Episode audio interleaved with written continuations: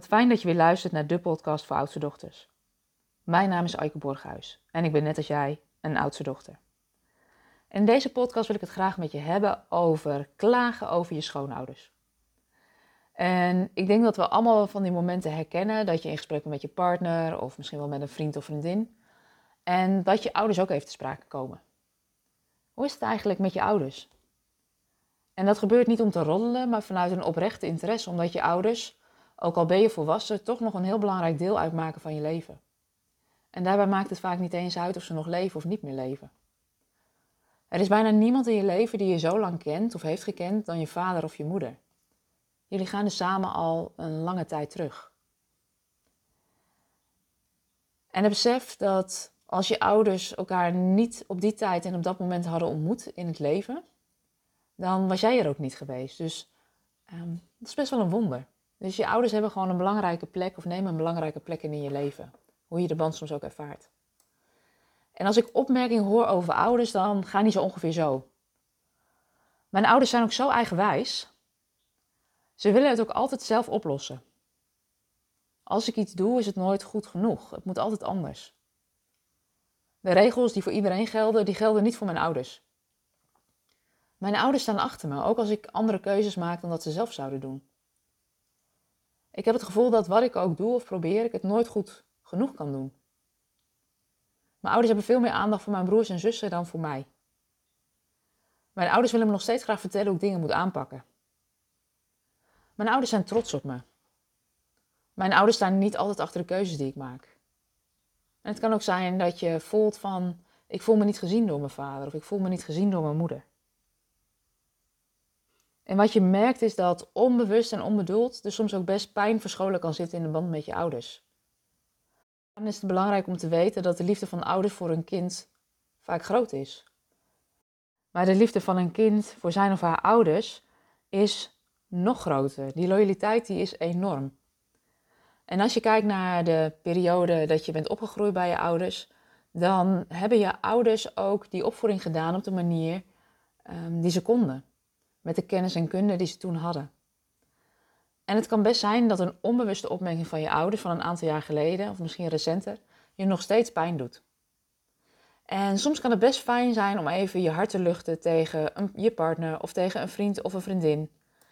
Um, over wat je ouders nu weer hebben gezegd of hebben gedaan. Of hebben nagelaten te doen. En het is soms best fijn om soms ook wat over je ouders te kunnen zeggen. Maar het wordt een ander verhaal als je partner of je vriend of vriendin je bijvalt en ook opmerkingen maakt over je ouders.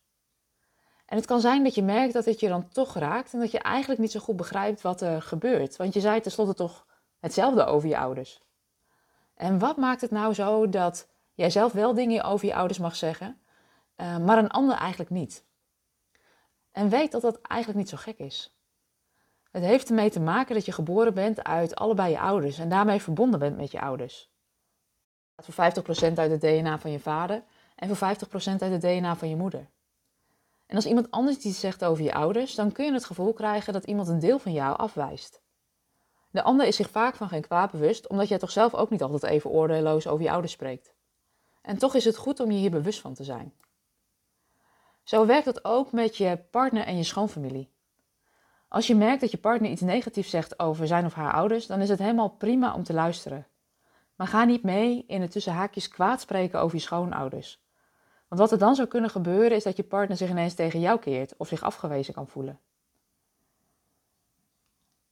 In deze podcast heb, je, heb ik je proberen mee te nemen vanuit systemisch perspectief waarom jij wel dingen mag zeggen over je ouders en je omgeving niet. En wat je kan helpen um, in het contact met je partner en, ehm, ja, en je schoonouders. En wat daarin soms ook al heel helpend kan zijn om te beseffen, is als er iets speelt aan jouw kant van de familie, zorg dan dat jij degene bent die dat regelt of uh, oplost met je familie. En ga daar niet als schoondochter, schoonzoon je mee zitten bemoeien, want het levert je eigenlijk altijd gedoe op. Dus als het lukt, laat je partner dan zijn dingen regelen met zijn familie en regel jij de dingen met je eigen kant van de familie. En je zult merken dat dat veel ruis en gedoe uh, vermijdt. Waardoor ja, de liefde die ook in die systemen aanwezig is, richting je partner, um, van jou naar je ouders en andersom gewoon nog makkelijker kan stromen. Ik wil je bedanken voor het luisteren naar deze podcast.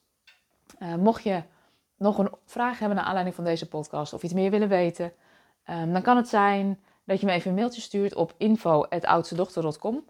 Ehm, dan kan ik je vraag misschien wel in de volgende podcast beantwoorden. En je krijgt in ieder geval zelf ook een persoonlijk berichtje terug. Um, en mocht je deze podcast nou leuk vinden of andere oudste dochters kennen voor wie deze podcast interessant is, deel hem dan. Want op deze manier kunnen we nog meer mensen bereiken met, uh, met deze podcast. En um, daar help je ons mee. Ik wil je bedanken voor het luisteren en ik wens je een hele fijne dag.